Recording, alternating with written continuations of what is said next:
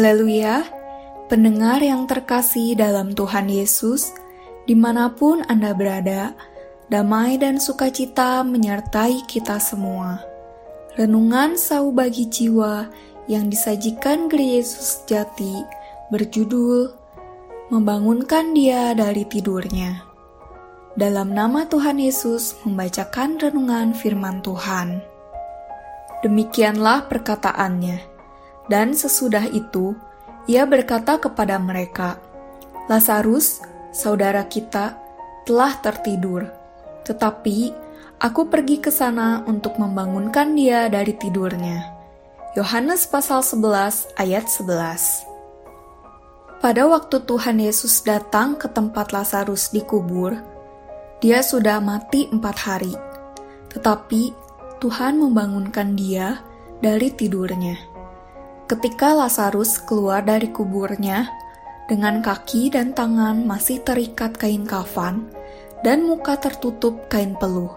Muzizat itu bukan hanya membangunkan Lazarus, tetapi juga membangunkan Marta dan Maria, bahkan membangunkan semua orang yang mengelilingi Yesus.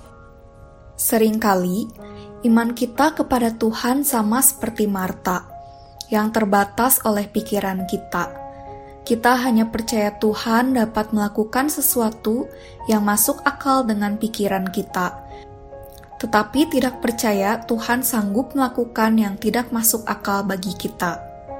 Sewaktu Marta dan Maria bertemu dengan Tuhan Yesus, mereka berdua sama-sama berkata, "Tuhan, sekiranya Engkau ada di sini, saudaraku pasti tidak mati."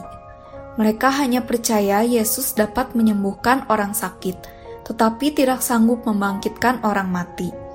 Walaupun mereka pernah mendengar bagaimana Yesus membangkitkan anak laki-laki seorang janda di kota Nain, juga membangkitkan anak perempuan kepala rumah ibadat yang bernama Yairus, tapi mereka tetap beranggapan Yesus tidak sanggup membangkitkan Lazarus. Marta dan Maria mengukur kemampuan Tuhan yang Maha Kuasa melalui kacamata manusia yang terbatas dan tidak berdaya. Tentu menggelikan, bukan? Sayangnya, hari ini kita juga sama seperti itu. Sebenarnya, sebelum kejadian itu, sewaktu Marta dan Maria menyuruh orang mengirim kabar kepada Yesus, dia sudah mengatakan, "Penyakit itu tidak akan membawa kematian, tetapi akan menyatakan kemuliaan Allah." Sebab oleh penyakit itu anak Allah akan dimuliakan.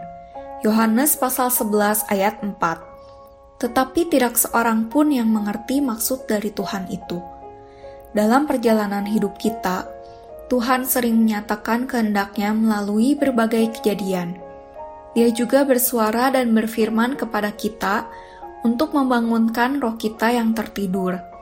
Tetapi, karena kita masih dikuasai cara pandang yang lama dan berpegang pada pendapat sendiri, kita tetap saja tidak mau bangun dan tetap bercokol pada keadaan lama tertidur. Sekalipun Tuhan sudah berkali-kali membangunkan kita, sama seperti Marta dan Maria yang bersedih karena kematian saudaranya, sekalipun Tuhan menghibur dan mengingatkan mereka, mereka tetap bersikuku pada pikirannya dan tidak mau menerima penghiburan Tuhan. Tuhan Yesus berfirman, "Akulah kebangkitan dan hidup. Barang siapa percaya kepadaku, ia akan hidup walaupun ia sudah mati. Dan setiap orang yang hidup dan yang percaya kepadaku tidak akan mati selama-lamanya. Percayakah engkau akan hal ini? Yohanes pasal 11 ayat 25 sampai 26.